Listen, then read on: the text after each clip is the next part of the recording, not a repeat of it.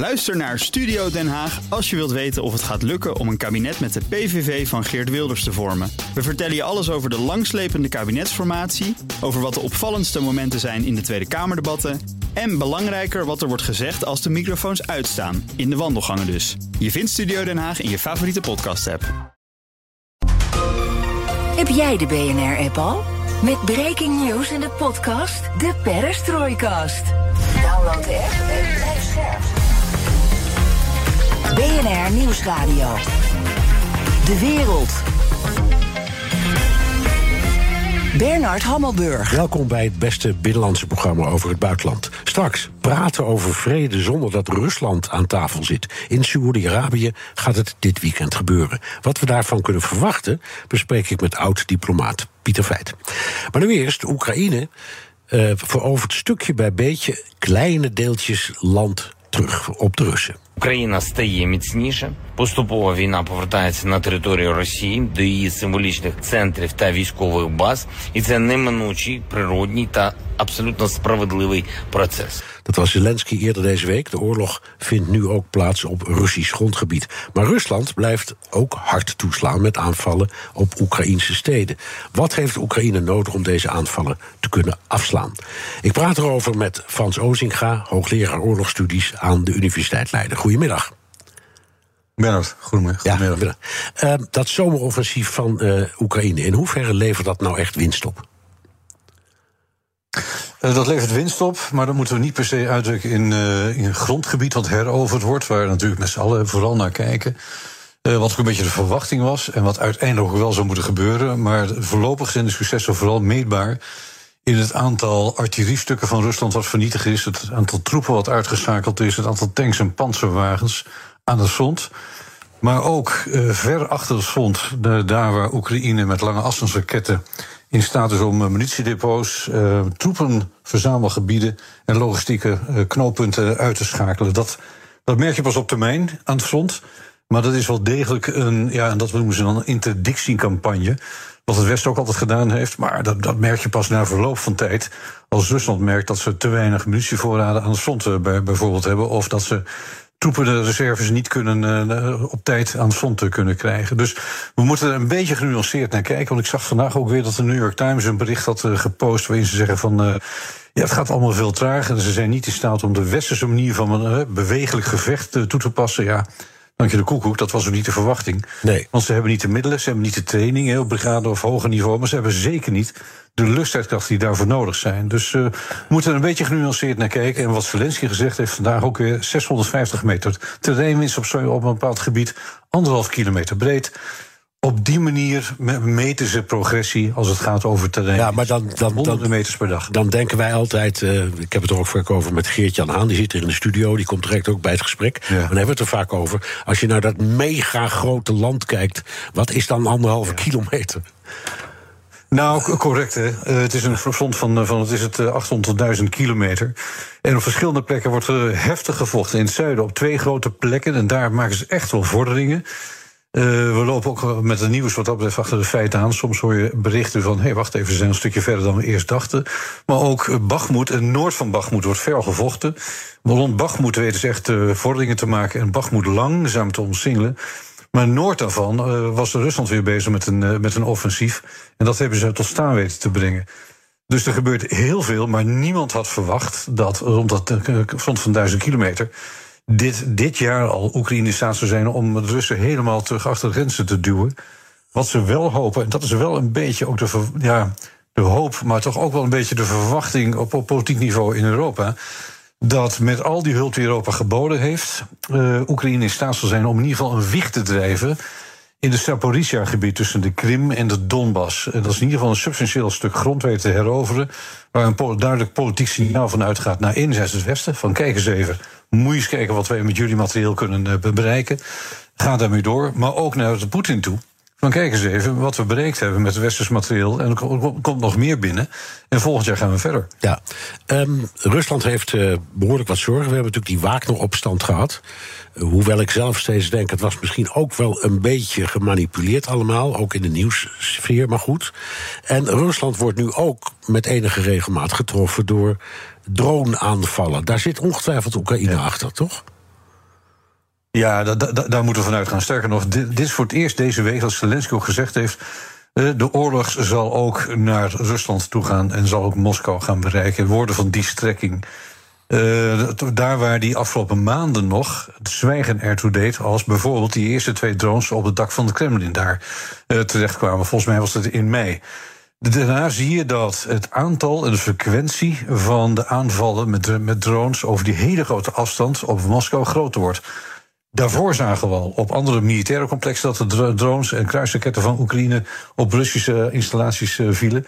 Nu ook Moskou, waarbij de ambitie natuurlijk niet is dat je daar militaire capaciteiten gaat vernietigen, maar dat je overheidsgebouwen uitschakelt, vernietigt en een signaal naar de Moscovieten stuurt van kijk eens even, Poetin is niet in staat om Moskou te beschermen, ondanks die paar luchtverdedigingsstellingen die we op daken zien. En eigenlijk is er, en dat zien we nu ook natuurlijk, dat er tussen het front en Moskou zelf heel weinig luchtverdediging aanwezig is. Ja. ja, dat is een kwetsbaarheid en dat is gewoon een politiek signaal. Ja, um, Oekraïne mag dan het, uh, het initiatief hebben. Het land heeft zelf ook ontzettend veel last van uh, aanvallen door Rusland. Uh, ja. De geboortestad van Zelensky is aangevallen, maar ook continu aanvallen op Kiev. Het is eigenlijk bijna een dagelijkse uh, kwestie aan het worden. Terwijl we ons allemaal herinneren toen die oorlog net bezig was, toen we steeds tegen elkaar zeggen: Nou, viel wel mee, de mensen zaten er lekker op terrasjes en zo. Dat beeld is een beetje weg. Ja. Uh, we, beginnen bijna normaal te vinden, maar inderdaad, alle steden worden vrijwel dagelijks uh, aangevallen. En het voorjaar van vorig jaar en het najaar van vorig jaar werd ook de infrastructuur aangevallen.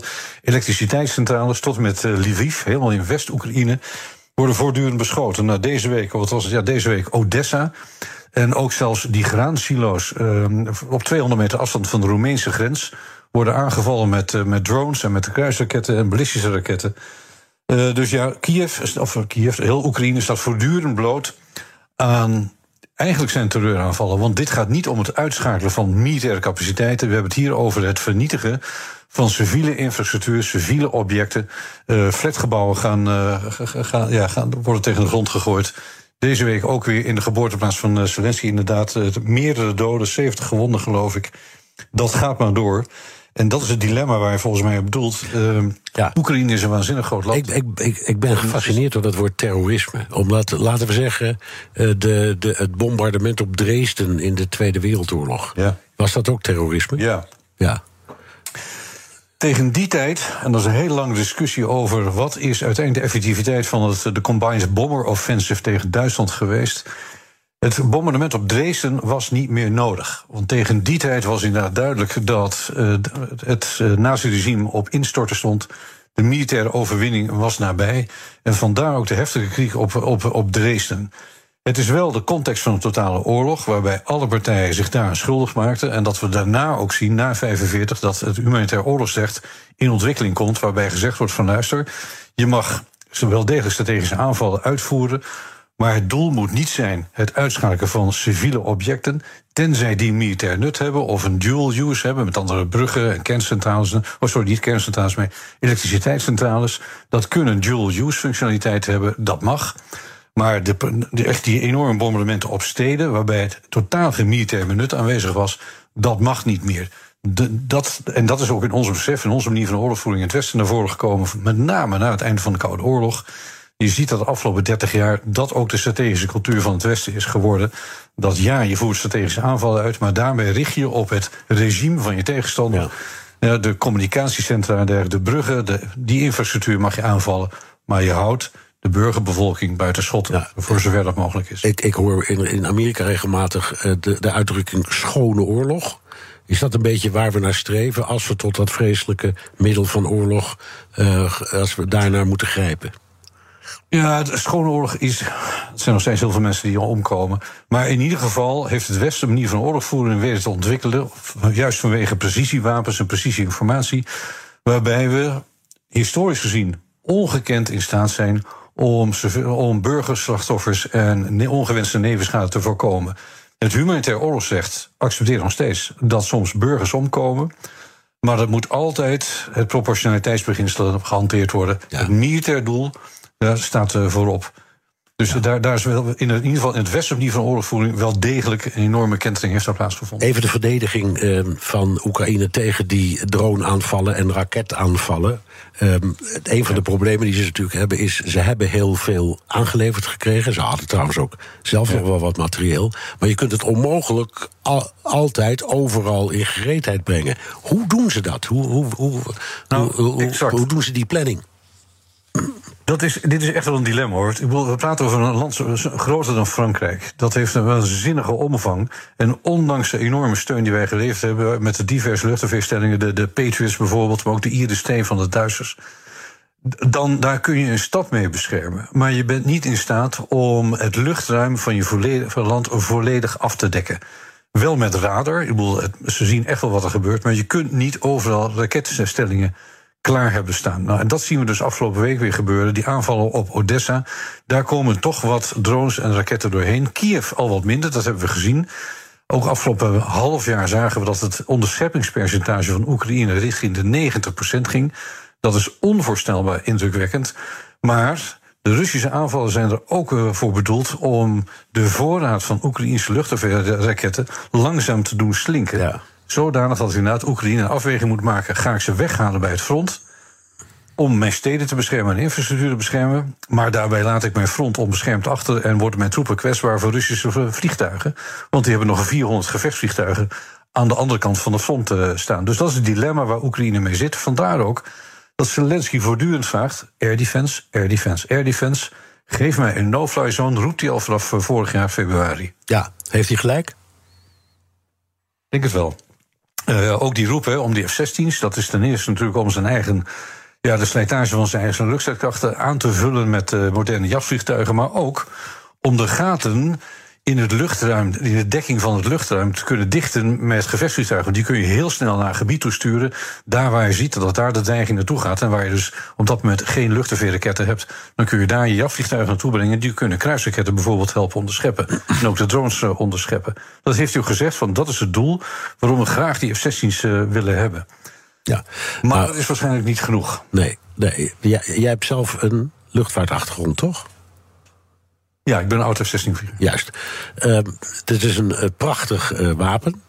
Maar ik heb steeds de indruk dat in de discussie we er iets mooiers van maken dan het is. Want eh, ik zal maar zeggen, een MiG-29 is een beetje een ouder toestel. Maar die, die, dat, de mensen die daarin vliegen zijn ook niet van de straat. Dus wordt, wordt die, die F-16 heiliger gemaakt dan hij verdient? Ehm, wellicht dat. nou, misschien in de beginfase, dat weet ik niet. Eh, ik heb zelf ook bij Nieuwsuur een paar keer uitgelegd van luister. Ze zijn er om vliegtuigen te vervangen. De, de mix en de Sukhoi van de Oekraïners die, die slijten, die worden uit lucht geschoten, dan wel ze slijten, omdat ze waanzinnig veel worden ingezet.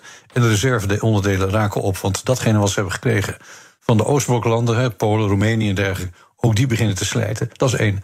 Ten- tweede, de F-16 die wij eh, met een aantal andere landen zouden gaan leveren, die zijn wel beter dan de mix die ze nu hebben. Die hebben modernere avionica, betere radarsystemen.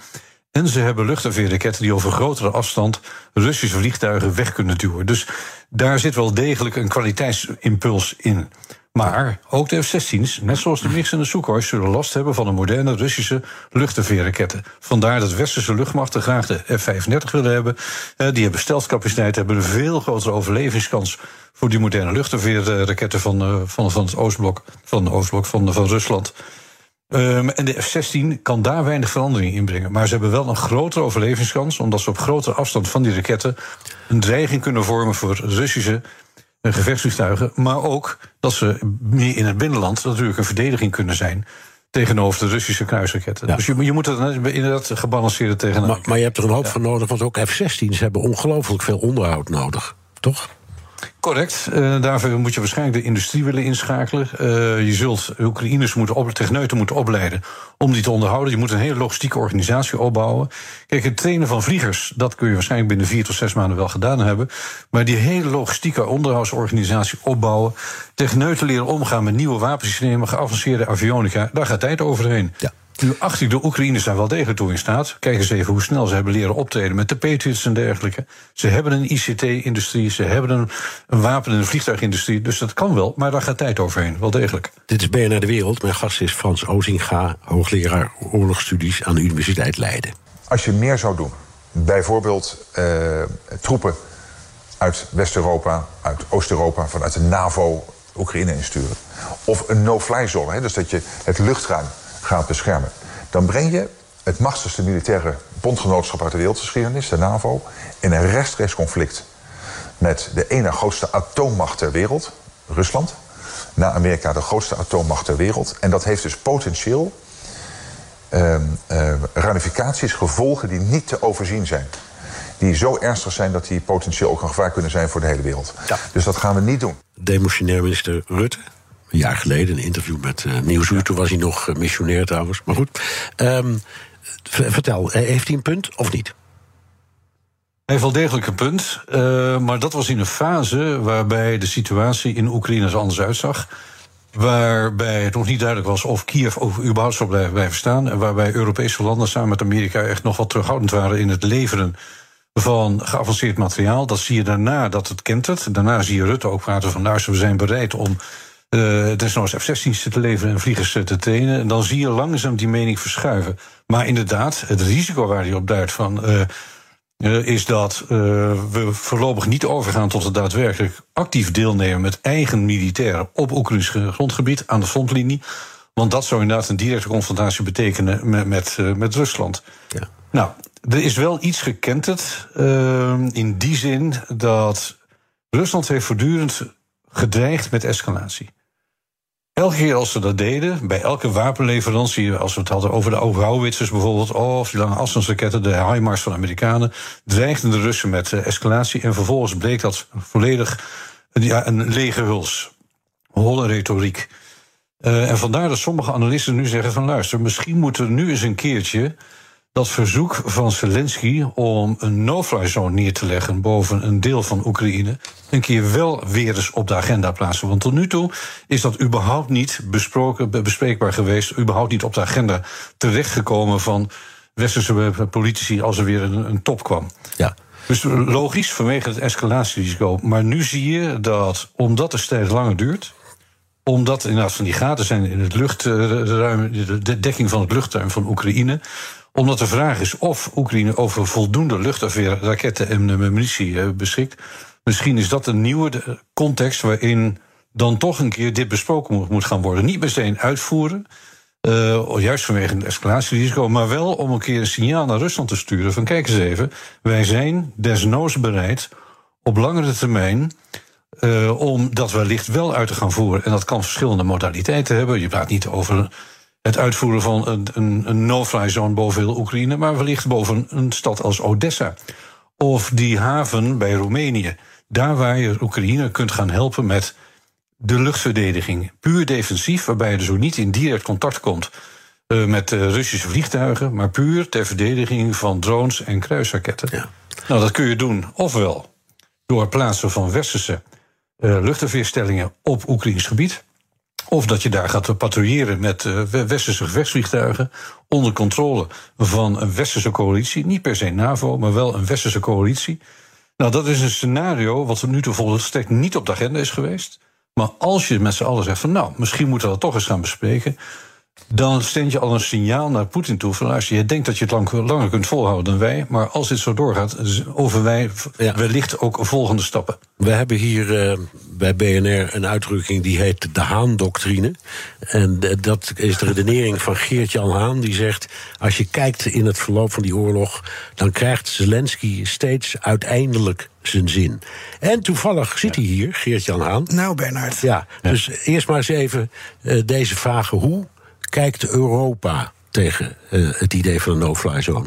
Ik denk wat uh, meneer Ozinga zegt klopt dat er uh, geen debat over is, geen discussie meer over is. Eigenlijk niet gevoerd überhaupt sinds het begin van de Russische invasie. Toen ook heel zwart-wit de stelling werd neergelegd: ben je voor of tegen een no-fly zone voor het hele land? Ik heb um, de archieven door zitten spitten en ik ben één keer een nieuwe discussie uh, tegengekomen. Dat was november 2022, toen in Polen uh, Oekraïnse luchtafweer terecht kwam na een Russische uh, raketaanval. Daar kwamen ook een paar dorpelingen bij om het leven toen. En de Finse buitenlandminister die zei toen. Voorafgaand volgens mij aan een NAVO-zitting. Het sluiten van het Oekraïense luchtruim komt zeker ter tafel. Een van de opties van hoe we Oekraïne kunnen beschermen. Maar toen hebben de Amerikanen en ook Duitsland. Eh, Duitsland heeft al heel snel gezegd: de no-fly zone ligt absoluut niet op tafel. We sturen onze oorlogsvliegtuigen voor uh, surveillance, voor meer uh, air policing samen met onze Eurofighters.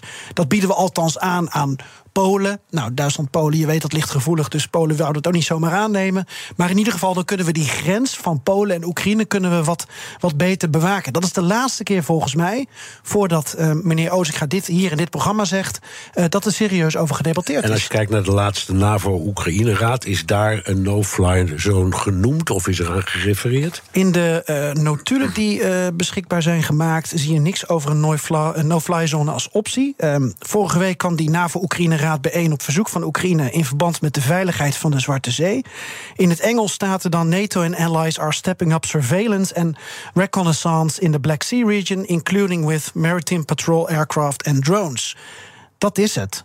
Ja. Dat is een, nou, is dat een, is dat een no-fly zone? Nee, dat is geen no-fly zone. Nee, dat is geen nee. Oké, okay. er is belangstelling vanuit de buurlanden Polen en Roemenië. Uh, die zitten tegen de vuurlinie aan. Ja, nou, je zou kunnen denken dat daar in ieder geval uh, er discussie over zou zijn.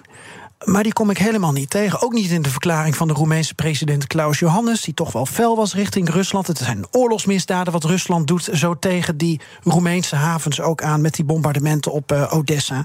Maar het zijn landen die, en dit is even een, een, een commentaar, een duiding erbij, die volgens mij nog steeds te bang zijn voor escalatie. Zeker Roemenië wil graag ver van deze oorlog vandaan blijven. Maar het heeft wel een grote transportfunctie gekregen. Um, als je kijkt naar die bombardementen op Odessa, maar dan op die kleinere havens waar we het over hebben, Ismail en Reni. Dat is, helemaal niet, dat is helemaal niet nee. aan de Zwarte Zee. Nee. Uh, uh, Ismail ligt 100 kilometer hemelsbreed van de Zwarte Zee vandaan. En Reni 150, dat ligt op een, een, een, een drielandenpunt met een Moldavische haven en met Galats, een grote Donauhaven in Roemenië. Dus um, het zou in het Roemeense belang zijn om, om toch meer waarborg van, zeker, uh, van veiligheid hier te hebben. Uh, Polen is veel drukker met, met Wagner bezig en met, met, met de eigen uh, verkiezingen. Het zou kunnen, Bernard, dat het in Jeddah even ter sprake komt. Die, op die, door die vredesconferentie. Um, ja. Kijk, het, het, het zou in het belang van de Oekraïne kunnen zijn uh, uh, om dit nu weer te sprake te brengen. Um, ik heb ook nog even contact gehad met Moldavië. Geen NAVO-lid, maar wel ja, heeft, heeft, heeft twee koeien en een paardenkop als leger, heeft niks. Um, maar ook daar is geen discussie over no-fly zone. Het is zo ver weggezakt dat we überhaupt niet onder andere voorwaarden dan anderhalf jaar terug, wat meneer Ozinga ook zegt, dat debat voeren. Oké, okay, Frans Ozinga maken Roemenië en Polen zich terecht zorgen om escalatie. Um, ja, ten dele. Uh, heel snel wordt dan de koppeling gemaakt van als we in direct contact komen met Rusland, dan is er meteen Wereldoorlog 3. Daar zit nog heel veel tussen. Rusland kan zich momenteel ook geen directe confrontatie met uh, het Westen veroorloven. Die strijdmacht heeft waanzinnige schade opgelopen. Die moeten overal uit heel Rusland eenheden vandaan halen om naar Oekraïne te brengen. Dus in die zin is dat de nucleaire escalatierisico uh, is er. Maar het is niet meteen uh, zo'n zo lineaire lijn van: oké, okay, we komen elkaar tegen, dus meteen nucleair. Daar zit nog heel veel tussen. Ja. Daar zit heel veel diplomatie tussen. Het uh, hangt van de modaliteit af, waarin bijvoorbeeld zo'n zo'n no-fly zone opgelegd zou worden, of waar het opgelegd zou worden, welke rules of engagement er zouden zijn. Kijk ook even naar die graantransporten. Rusland is heel dreigend naar die transporten geweest. En vervolgens komen er toch gewoon drie tot zes van die schepen doorheen. Daarboven vliegen NAVO-vliegtuigen die wellicht daar helemaal niks mee te maken hadden. Maar dan zie je uiteindelijk dat Rusland vaker enorme veel geluid maakt. Maar als puntje op paaltje komt en het Westen beweegt niet de kant op die Rusland wil, maar geeft een beetje weerstand. Dat Rusland uiteindelijk eerder voor, voor zijn geld kiest en ook geen directe confrontatie wil. Ja, Geert-Jan, wilt. Ja, ik heb één vraag voor meneer Ozinga. Um, zou je ja. voor een deel van Oekraïne, als je daar een no-fly zone voor in zou stellen, zou het dan gaan, wat u betreft, om um, het feit dat je dan uh, voorkomt dat er onbemande vliegende objecten terechtkomen? Dus je wil voorkomen dat er raketten en drones komen. En je hebt het dus helemaal niet over een direct contact met een Russische vlieger. Exact. Uh, sowieso, hè. de Russische vliegers komen niet of nauwelijks meer over de frontlijn. Want ze hebben echt, nou, sommigen zeggen al 200 vliegtuigen verloren. In ieder geval in de eerste week 88 vliegtuigen en helikopters. Dus ze zijn al zo dood om te dicht bij die grenslijn, eh, de frontlijn eh, te komen. Dus je praat over het beschermen van civiele infrastructuur tegen die voortdurende Russische aanvallen met drones en kruisraketten. Dat kun je doen met luchtafweerstellingen op de grond, of je kunt het doen met vliegtuigen die om en nabij in, West-Oekraïne uh, bij steden vliegen. Uh, daar zijn verschillende modaliteiten, maar je praat ook niet over het aanvallen of het verdedigen tegenover Russische vliegtuigen. Want die raketten en die drones worden op honderden kilometers afstand uh, afgevuurd. Die uh, bommenwerpers die de kruisraketten afvuurden, die, dat is echt op 500.000 kilometer af van, van de frontlijn. Dus je komt niet, überhaupt niet in de buurt. Nee. Even nog, Geert-Jan, heel kort. Er is één land dat wel strengere maatregelen voor het luchtruim heeft ingevoerd. En dat is, geloof het of niet, Rusland. Ja, in Moskou, met name rond het Rode Plein, is het inmiddels verboden om met drones te vliegen. Het risiconiveau is ook omhoog. Uh, je ziet verkeersborden in Moskou verschijnen met hoge boetes. En ik hoor ook steeds meer verhalen van navigatiesystemen die door het jammen ook overstuur raken. Dus de no-fly zone in Europa raakt op dit moment de taxichauffeur in Moskou. Al uh, schreef de Nederlandse ambassadeur op Twitter: uh, helaas zijn er wel meer Moscovieten de weg kwijt. Ja, ja Oké, dat is een hele mooie. maar ja. Oké, okay, wou nog wat zeggen, Frans, voordat we afscheid nee, Ik vond het een mooie opmerking. Dit is een mooie opmerking. Frans Ozinga, uh, hoogleraar oorlogsstudies aan de Universiteit Leiden... en Europa-verslaggever Geert-Jan Haan, heel hartelijk dank. Bij BNR ben je altijd als eerste op de hoogte van het laatste nieuws. Luister dagelijks live via internet. Bas van Werven. En heel langzaam komt de zon op rond dit tijdstip. Je krijgt inzicht in de dag die komt op BNR, het Binnenhof in Nederland en de rest van de wereld. De Ochtendspits. Voor de beste start van je werkdag. Blijf scherp en mis niets. Blijf scherp. BNR Nieuwsradio. De wereld. Bernard Hammelburg. In Saoedi-Arabië komt dit weekend een groep landen bijeen om te praten over Oekraïne. Behalve een aantal westerse landen die al in de VN uh, uh, tegen de Russische inval hadden gestemd, zijn er ook aantal landen van de BRICS. En dat is dus de economische samenwerking tussen Brazilië, Rusland, India, China en Zuid-Afrika. Nou, Rusland is hier niet uitgenodigd, want het gaat niet over we willen nu vrede bereiken, maar we gaan het vredesplan van president Zelensky bespreken. Want volgende maand staat Zelensky bij de Algemene Vergadering van de Verenigde Naties. Dat was Patrick Bolder, defensiespecialist van het Den Haag Centrum voor Strategische Studies. Ik praat erover met uh, oud-diplomaat, onder andere bij de NAVO en EU. Pieter Feit, welkom. Bernard, goedemiddag. Goedemiddag. Um, de genodigden voor uh, deze top in, in eh, Saudi-Arabië... die komen dus nou ja, vooral uit het mondiale zuiden. Uh, wat zegt ons dat? Wat vertelt dat? Nou, ik heb uh, geen grote verwachtingen dat dit uh, qua resultaat baanbrekend zal worden. Maar het zal waarschijnlijk wel inderdaad tactisch voordeel bieden voor uh, Oekraïne en voor zijn westerse vrienden. Omdat de samenstelling van de uitgenodigden uh, erop duidt dat Oekraïne een kans krijgt om uh, zijn verhaal, zijn narratief voor het voetlicht te brengen. En met name van de landen van het globale zuiden. En mogelijk ook zijn vredesplan nader kan toelichten. Dus uh, terwijl de standpunten van Oekraïne en Rusland nog ver uit elkaar liggen, Rusland is overigens niet uitgenodigd, zoals je zei, uh, is het wel uh, belangrijk dat wij, dus Oekraïne en de westerse landen, de, de grote landen van het globale zuiden aan onze kant krijgen. Dus ja. dat we Zuid-Afrika, India, Brazilië en hopelijk ook een keer China zover krijgen dat ze evenwichtig, neutraal uh, aankijken tegen dit conflict. En dan misschien de conclusie trekken dat Rusland de, inderdaad de agressor is. Het handvest van de Verenigde Naties heeft geschonden. En uh, uh, oorlogsmisdaden heeft gepleegd. Ja, artikel 51, geloof ik, hè? Is dat? Ik dacht ja. artikel 2,4. Maar ja. 51 dat is uh, zelfverdediging. Zelfverdediging. Dat hangt ermee samen. Ja, even um, de, de locatie Jeddah. Saoedi-Arabië. Daar hoorden we allemaal een beetje van op toen het uh, werd aangekondigd. Um, de landen die daar komen, zoals je zegt, die zijn voor een groot deel, nou ja, nog niet echt heel erg betrokken. Of niet, ze kijken niet in de richting waar wij graag zouden willen dat ze keken. Maakt het feit dat dit in Saoedi-Arabië gebeurt iets uit? Nou, je moet vooral denken aan de uh, Saoedische uh, leider. Hij is de kroonprins uh, Mohammed ben Salman. Een man met enorm veel ambities voor zijn land. hij wil dat Saudi hervormt en een grote rol gaat spelen op het wereldtoneel. Met, met hemzelf natuurlijk in de in in, achter het stuur. Dus eh, dat het uh, vanuit Saudi-Arabië komt, is op zich dan uh, misschien niet zo verwonderlijk. Het is wel positief dat hij ingegaan is op het initiatief van Zelensky om deze top te organiseren. Dus dat geeft aan dat hij uh, mogelijk bereid is om een evenwichtig standpunt in te nemen. Ja. jij weet precies hoe je moet kijken naar, laten we zeggen, deelnemers. Wie sturen ze nou? Uh, Biden stuurt nationaal veiligheidsadviseur Jake Sullivan. Dat is een, een behoorlijke hoge uh, in, in de.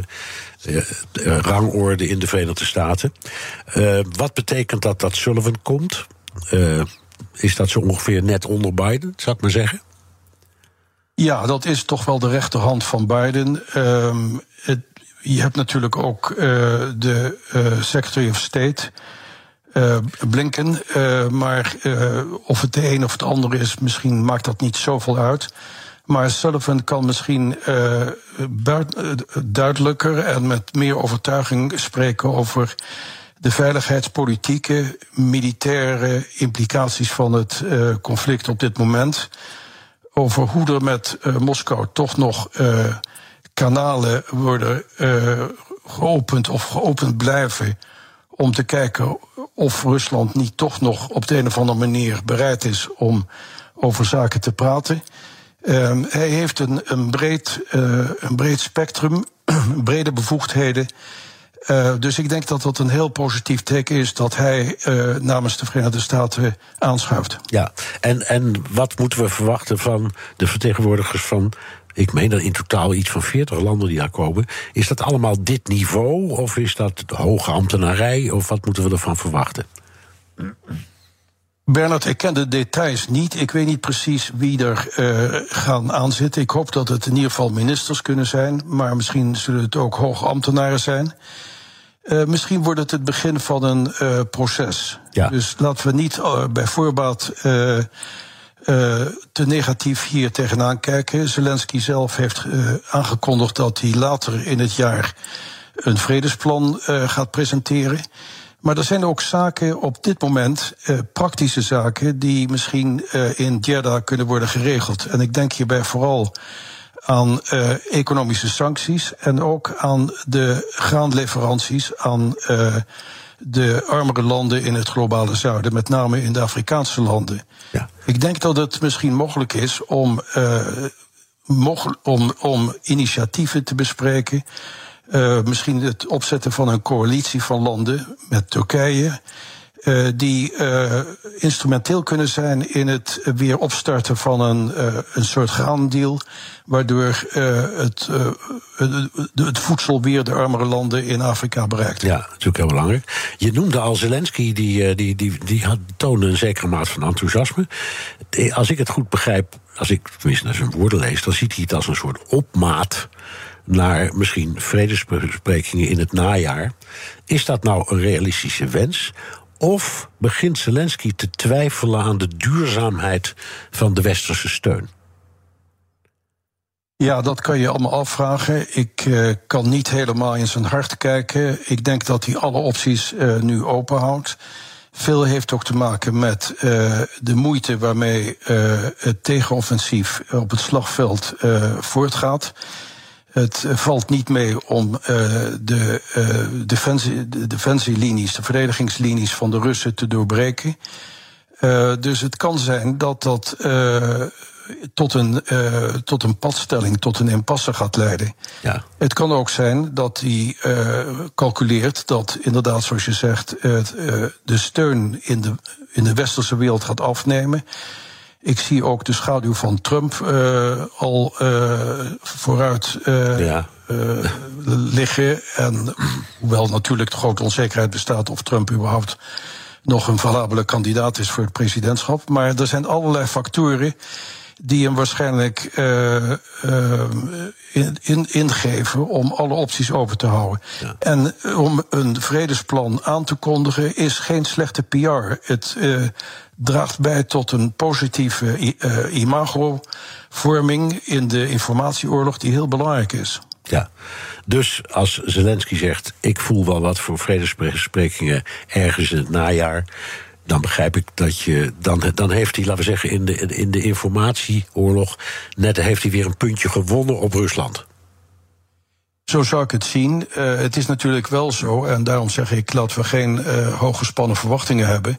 dat de standpunten van Oekraïne en Rusland ver uiteen liggen. Ja. Rusland blijft uh, vasthouden aan grondgebied wat het zegt geannexeerd te hebben. En Zelensky blijft op het standpunt staan dat alles moet worden teruggegeven en dat de territoriale integriteit van zijn land moet worden hersteld. Dus ja, dat, uh, veel zal nog uh, moeten gebeuren om te kijken hoe die twee standpunten bij elkaar kunnen, na, nader tot elkaar kunnen worden ja, gebracht. Daar ligt een eind uit elkaar. Dat, dat is waar. Nou ja, dat is eigenlijk al steeds zo geweest. En, en ik denk steeds op het moment dat er ook een gevaar als Zelensky zegt: ik, ik ben wel bereid op een moment over vrede te praten. En dat zou gebeuren met een bevriezing van de status quo of met een, een staakt het vuren, dan ligt hij meteen een slag achter. Want dan kun je ook zeggen, nou dan heeft Rusland gewonnen. Ja. Dat is zeker zo. Maar ik denk, uh, laten we ook nog even kijken, Bernhard, naar andere kanalen die uh, toch uh, ook een rol spelen, maar minder in het oog springen. De Amerikanen hebben, geloof ik, toch rechtstreeks contact met Moskou. Ja. En tasten ook af, zoals ik eerder zei, uh, of er enige beweging is in het Russische standpunt. Ja. Dus de Amerikanen zullen uh, Zelensky uh, adviseren op dit punt in hoeverre hij een stap vooruit moet maken met zijn, met zijn vredesplan. Ja. Uh, als, hij, als hij straks tactisch niet krijgt wat hij wil hebben, dan demoraliseert hij daarmee zijn eigen bevolking en de strijdkrachten. En dat zou natuurlijk geen goed uh, teken zijn. Nee. nee, dat is natuurlijk ook waar. Ik hoorde trouwens Peskov, de, de woordvoerder van het Kremlin, uh, bij de aankondiging van die uh, top in Jeddah. Iets zeggen wat mij, mij enigszins, laat ik zeggen, meeviel of uh, verbaasde. Maar zei: Nou, daar gaan we met grote belangstelling naar luisteren. In plaats van dat hij iets agressiefs of negatiefs zei. Wat vertelt ons dat? Nou ja, het is, het is toch allemaal gericht op een gehoor in het globale zuiden en uh, in landen die ertoe doen, uh, maar die, die aarzelen om een standpunt in te nemen voor of tegen uh, Oekraïne uh, en misschien nog uh, op, een beetje op het, op het vinkertouw zitten. Ja. Dus om die landen te paaien is vredeswil, vredesbereidheid altijd een, een, een belangrijk instrument. of dat nou, wat Peskov zegt, gemeend is, dat heb ik groot, daar heb ik grote twijfels over.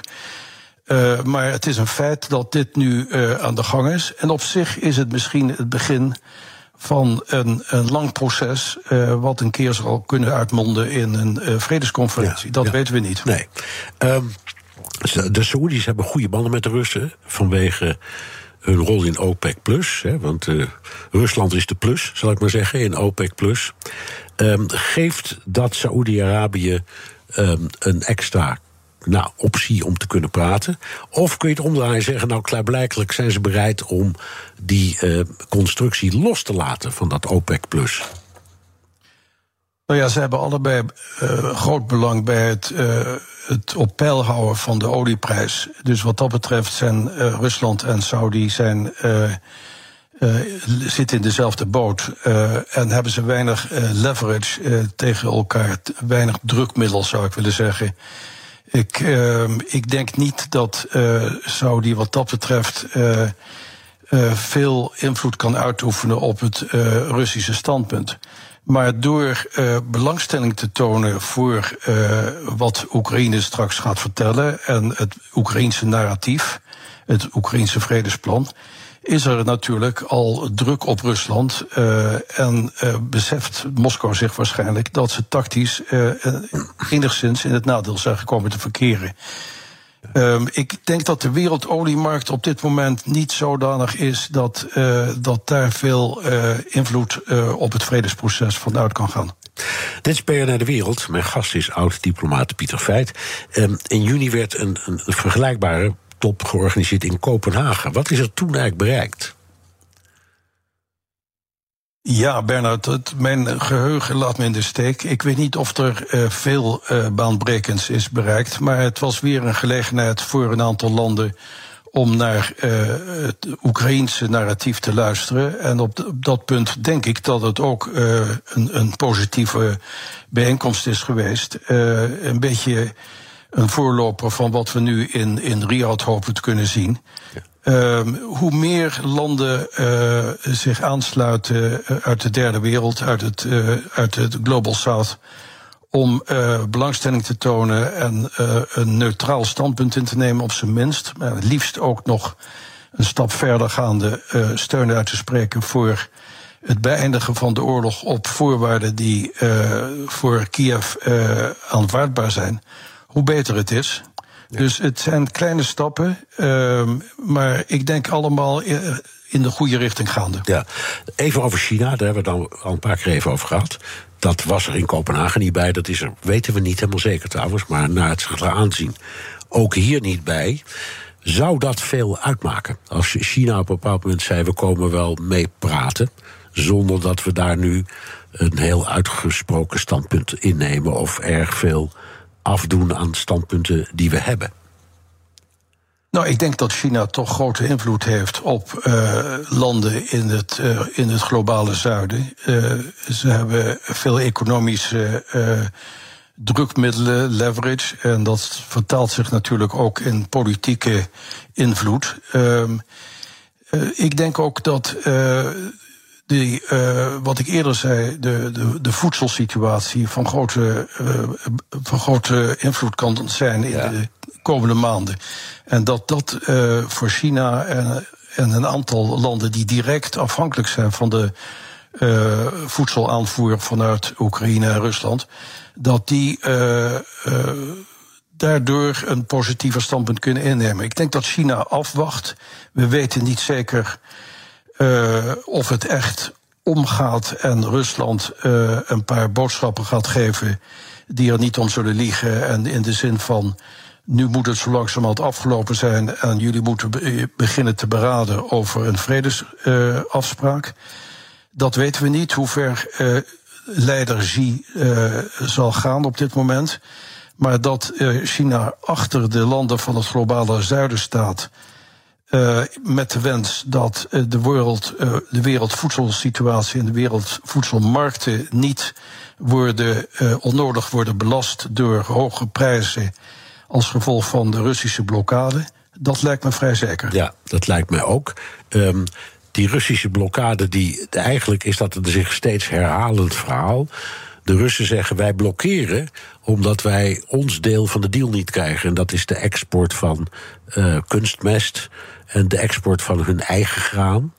Um, ja. En ze zeggen, en, en het op, opheffen van op zijn minst uh, het verbod voor één bank van het gebruik maken van het SWIFT-betalingssysteem. Um, als je dat zo hoort, dan dat, dat zit, dat, dat, zit toch, dat is toch best redelijk wat de Russen zeggen. Dus waar zit nu het probleem? Um, probleem ligt in, uh, het, uh, in het maken van uitzondering, uitzonderingen op het totale sanctiepalet. Uh, en dat zou dan een precedent kunnen zijn. Het probleem ligt ook op het moment waarop je begint en welke voorwaarden je stelt. Met name moeten we niet als eerste voorwaarde stellen dat Rusland een einde maakt aan de beschietingen en de bombardementen op uh, het opgeslagen graan in Odessa en ja. dicht bij de grens met Roemenië. Ja. Maar in dit verband is er misschien ook wel ruimte voor uh, overleg binnen de NAVO, binnen de Europese Unie, om te kijken of, uh, en dit is een een vrij ambitieus idee om te kijken of uh, westerse landen, misschien in samenwerking met Turkije, misschien in samenwerking ook met landen verder weg, uh, graantransporten kunnen beveiligen, es escorteren. door de Zwarte Zee heen naar verder naar de Middellandse Zee en dan verder naar buiten. Dat zijn misschien zaken die ook zo langzamerhand ter sprake kunnen komen, misschien al in Jeddah, en die verdere druk op Rusland zullen uh, leggen om uh, in ieder geval een begin van medewerking te tonen. Ja, ik kan me voorstellen om iets heel simpels erbij te halen, dat dat een verademing zou zijn voor de, voor de verzekeringsmaatschappijen. Want ik hoor steeds dat een van de grootste problemen is dat zelfs de schippers die bereid zijn om het maar te proberen, simpelweg uh, hun, hun rit of hun vaart niet verzekerd krijgen. En als ik verzekeraar was, zou ik uh, diezelfde terughoudendheid hebben. Ja, nee, vanzelfsprekend. Uh, een deel van, of rondom de haven van Odessa liggen mijnen, dus dat is sowieso waarschijnlijk al een groot probleem. Dus daar moet je, daar moet je een verzekerde deurvaart door krijgen. Maar de verzekering zal daar natuurlijk uh, erg gevoelig voor zijn of dat allemaal uh, uh, gegarandeerd is. En of, of, of er geen, geen vijandigheden uitbreken. En, en straks een schip de lucht in gaat. Dus dat is heel duidelijk dat de, de verzekering hier nauwkeurig naar oplet. Oké, okay, dank. Pieter Feit, oud-diplomaat, onder andere bij de NAVO en de Europese Unie. Postma in Amerika. Tijd voor het Amerikaanse nieuws door de ogen van onze correspondent in Washington, Jan Postma. Jan, na de nieuwe aanklacht tegen Trump van deze week staat ook zijn voormalig vicepresident Mike Pence weer in de schijnwerper. Ja, zijn aantekeningen blijken een belangrijke bron te zijn voor Jack Smith in zijn onderzoek naar Trumps rol rond 6 januari. Uh, Pence speelde als vicepresident natuurlijk een hoofdrol die periode, al was hij vooral daar leidend voorwerp onder Trump. En hij is natuurlijk ook presidentskandidaat, dus wordt er ook op hem gelet. Zou hij bijvoorbeeld getuigen tegen zijn oude baas als hij daarvoor gevraagd zou worden? Dat zou hem de star witness maken natuurlijk. En daar antwoordt hij natuurlijk ontwijkend op, maar hij sluit het ook niet uit. En er wordt ook gekeken hoe hij zich uitspreekt als kandidaat. Want in het verleden was hij voorzichtig richting Trump natuurlijk. En uh, na dit nieuws van die nieuwe uh, aanklacht tegen Trump stuurde hij een tweet waarin hij zei: Wie denkt dat hij boven de grondwet staat, moet geen president worden. En gisteren was hij bij de Indiana State Fair, had een zwerm aan camera's om hem heen. Hij houdt zich daarin over Trump, maar toch hoorde ik daar wel een andere Mike Pence. luister maar eens hoe, hij, hoe die nette, dominee-achtige, vrome Pence hier praat over Trumps team. The president specifically asked me and his gaggle of, uh, of crackpot lawyers asked me to literally reject votes, to, which would have resulted in, uh, in the issue being turned over to the House of Representatives, and literally chaos would have ensued. Yeah. Ja, ja, a gaggle of crackpot lawyers. Dat is toch eventjes andere taal. Hè? Ja. Echte verandering van toon. En hij zei het op Fox News, dus hij weet ook waar hij dat zegt. Ja. Trump probeert ondertussen geld te verdienen met deze nieuwe aanklacht. En dat kan hij goed gebruiken. Ja, precies. Zijn uh, campagne stuurt uh, aan de lopende band e-mails voor donaties. Doet hij altijd natuurlijk. Maar één viel me nu wel op. Uh, het zijn er nu echt meer geworden dus. Maar één viel me echt op. En daarin waarschuwt Trump dat hij voor 561 jaar de cel in kan gaan. Als hij in alle zaken overal schuldig wordt bevonden. En ja, Trump zegt natuurlijk iedereen is tegen me, al die rechters. Dus dat zou nog wel eens kunnen gebeuren ook. En dat je dus geld moet doneren om dat te voorkomen. En nou, ik wilde nog even nakijken of dat getal nou klopt. Als je alle aanklachten bij elkaar optelt maar ik moet zeggen, ik dacht, het is sowieso niet reëel. Dus dat heb ik maar even gelaten, Bernard. Maar uh, Trump die wil optimaal profiteren. Hij zag na zijn eerste aanklacht in New York dat er veel meer donaties binnenkwamen. Echt een duidelijke piek. Maar voor de tweede aanklacht, om die geheime documenten in Mar-a-Lago, daar is het piekje nog maar half zo hoog. Dus het is de vraag wat die derde aanklacht doet uh, als het gaat om donaties. Misschien wordt die ook alweer wat groter, want 6 januari is wel een soort open zenuw natuurlijk. Ja, ik, ik, ik las ook een stuk. Um, ik meen in de, in de de, Washington Post over de bestedingen van zijn, uh, uh, ja, van zijn verkiezingspot. Omdat het grootste deel, iets van 40 of 1 of 42 miljoen, daaruit al is besteed aan de betaling van de advocaten in zijn rechtszaken. Nou, daar is volgens mij een campagnepot niet voor bedoeld. Nee, precies. En het is wel een heel interessant detail. Want de Trump-campagne haalde in het eerste halfjaar zo'n 50 miljoen dollar binnen. Uh, nou, dat is veel geld. Maar inderdaad, 42 miljoen dollar gingen rechtstreeks naar alle advocaten, alle zaken uh, tegen Trump. En dat is natuurlijk waar ook wat kritischere Republikeinen van zeggen: wacht eens eventjes, wij willen campagne voeren. Daar hebben we dat geld voor nodig. Uh, als we nou een kandidaat hadden die niet in al die rechtszaken zou zijn verwikkeld. En ja, Trump, die, dat gaat nog veel meer geld kosten in de toekomst ook. ja, dan zouden we niet zo zo vast liggen eigenlijk. Dan zouden we al dat geld gewoon aan spotjes uit kunnen geven. Ja, mag het? Mag je geld uit een verkiezingskas gebruiken om advocaten te betalen?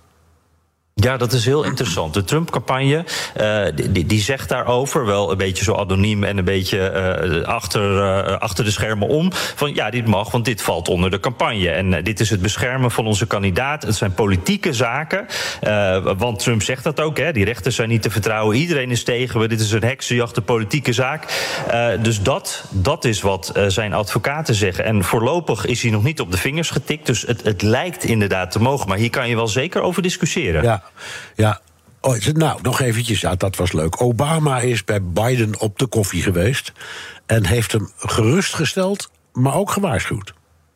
Ja, uh, die twee hebben even bijgepraat. Het werd ook benadrukt dat het vooral een vriendschappelijk uh, gesprek was. Uh, en, ja, er was wel goed nieuws voor beiden. Want Obama die heeft nog eens gezegd dat hij hem op elke mogelijke manier gaat steunen de komende campagne. En dat is wel belangrijk. Want Obama is natuurlijk verreweg de populairste man binnen de Democratische Partij. Dus als je die hebt, is de kans dat er nog een tegenkandidaat op staat. Ik zag bijvoorbeeld dat de gouverneur van Californië, die is toch een beetje gedrag aan het vertonen. Dat hij misschien toch een beetje aan het aftasten is of hij uh, nog zou kunnen doen. Maar uh, als jij dus Obama achter je hebt staan als Biden, als zittende president, dan wordt die kans wel wat kleiner dat iemand nog tegen je op durft te staan. Dus dat was goed nieuws. Maar Obama uh, waarschuwde Biden ook dat Trump echt wel een moeilijke tegenstander wordt en dat hij niet onderschat moet worden. Juist omdat zijn achterban natuurlijk altijd achter hem blijft staan. Um, als je naar de recente peilingen kijkt, heeft hij ook gelijk. New York Times had twee peilingen die veel in het nieuws waren. Uit de eerste blijkt dat Trump de absolute topfavoriet is om de Republikeinen Republikeinse kandidaat te worden. 54% staat achter hem van de Republikeinen. De nummer 2, de Sanders, krijgt maar 17%. En ja, het is een beetje onzin om het nu te doen, want die verkiezingen zijn nog lang niet. Maar als de verkiezingen nu zouden zijn en het is Trump tegen Biden, dan zouden ze gelijk staan. Allebei 43%. Dus kan nog veel gebeuren, maar ik denk dat die waarschuwing van Obama, daar zit wel wat in. Hoor. Die strijd is nog lang niet gestreden in de campagne en ook in de rechtszaal. Dankjewel, Jan Postma, correspondent in Washington. Wilt u meer horen over dat fascinerende land? Luister dan naar de Amerika-podcast van Jan en mij. En tot zover BNR De Wereld. Terugluisteren kan via de site, de app, Spotify of Apple Podcast. Reageren kan via een mailtje naar dewereld.bnr.nl. Tot volgende week. Ook Bas van Werven vind je in de BNR-app. Ja, je kunt live naar mij en Iwan luisteren tijdens de ochtendspits. Je krijgt een melding van Breaking News. En niet alleen onze podcast Ochtendnieuws, maar alle BNR-podcasts vind je in de app. Download nu de gratis BNR-app en blijf scherp.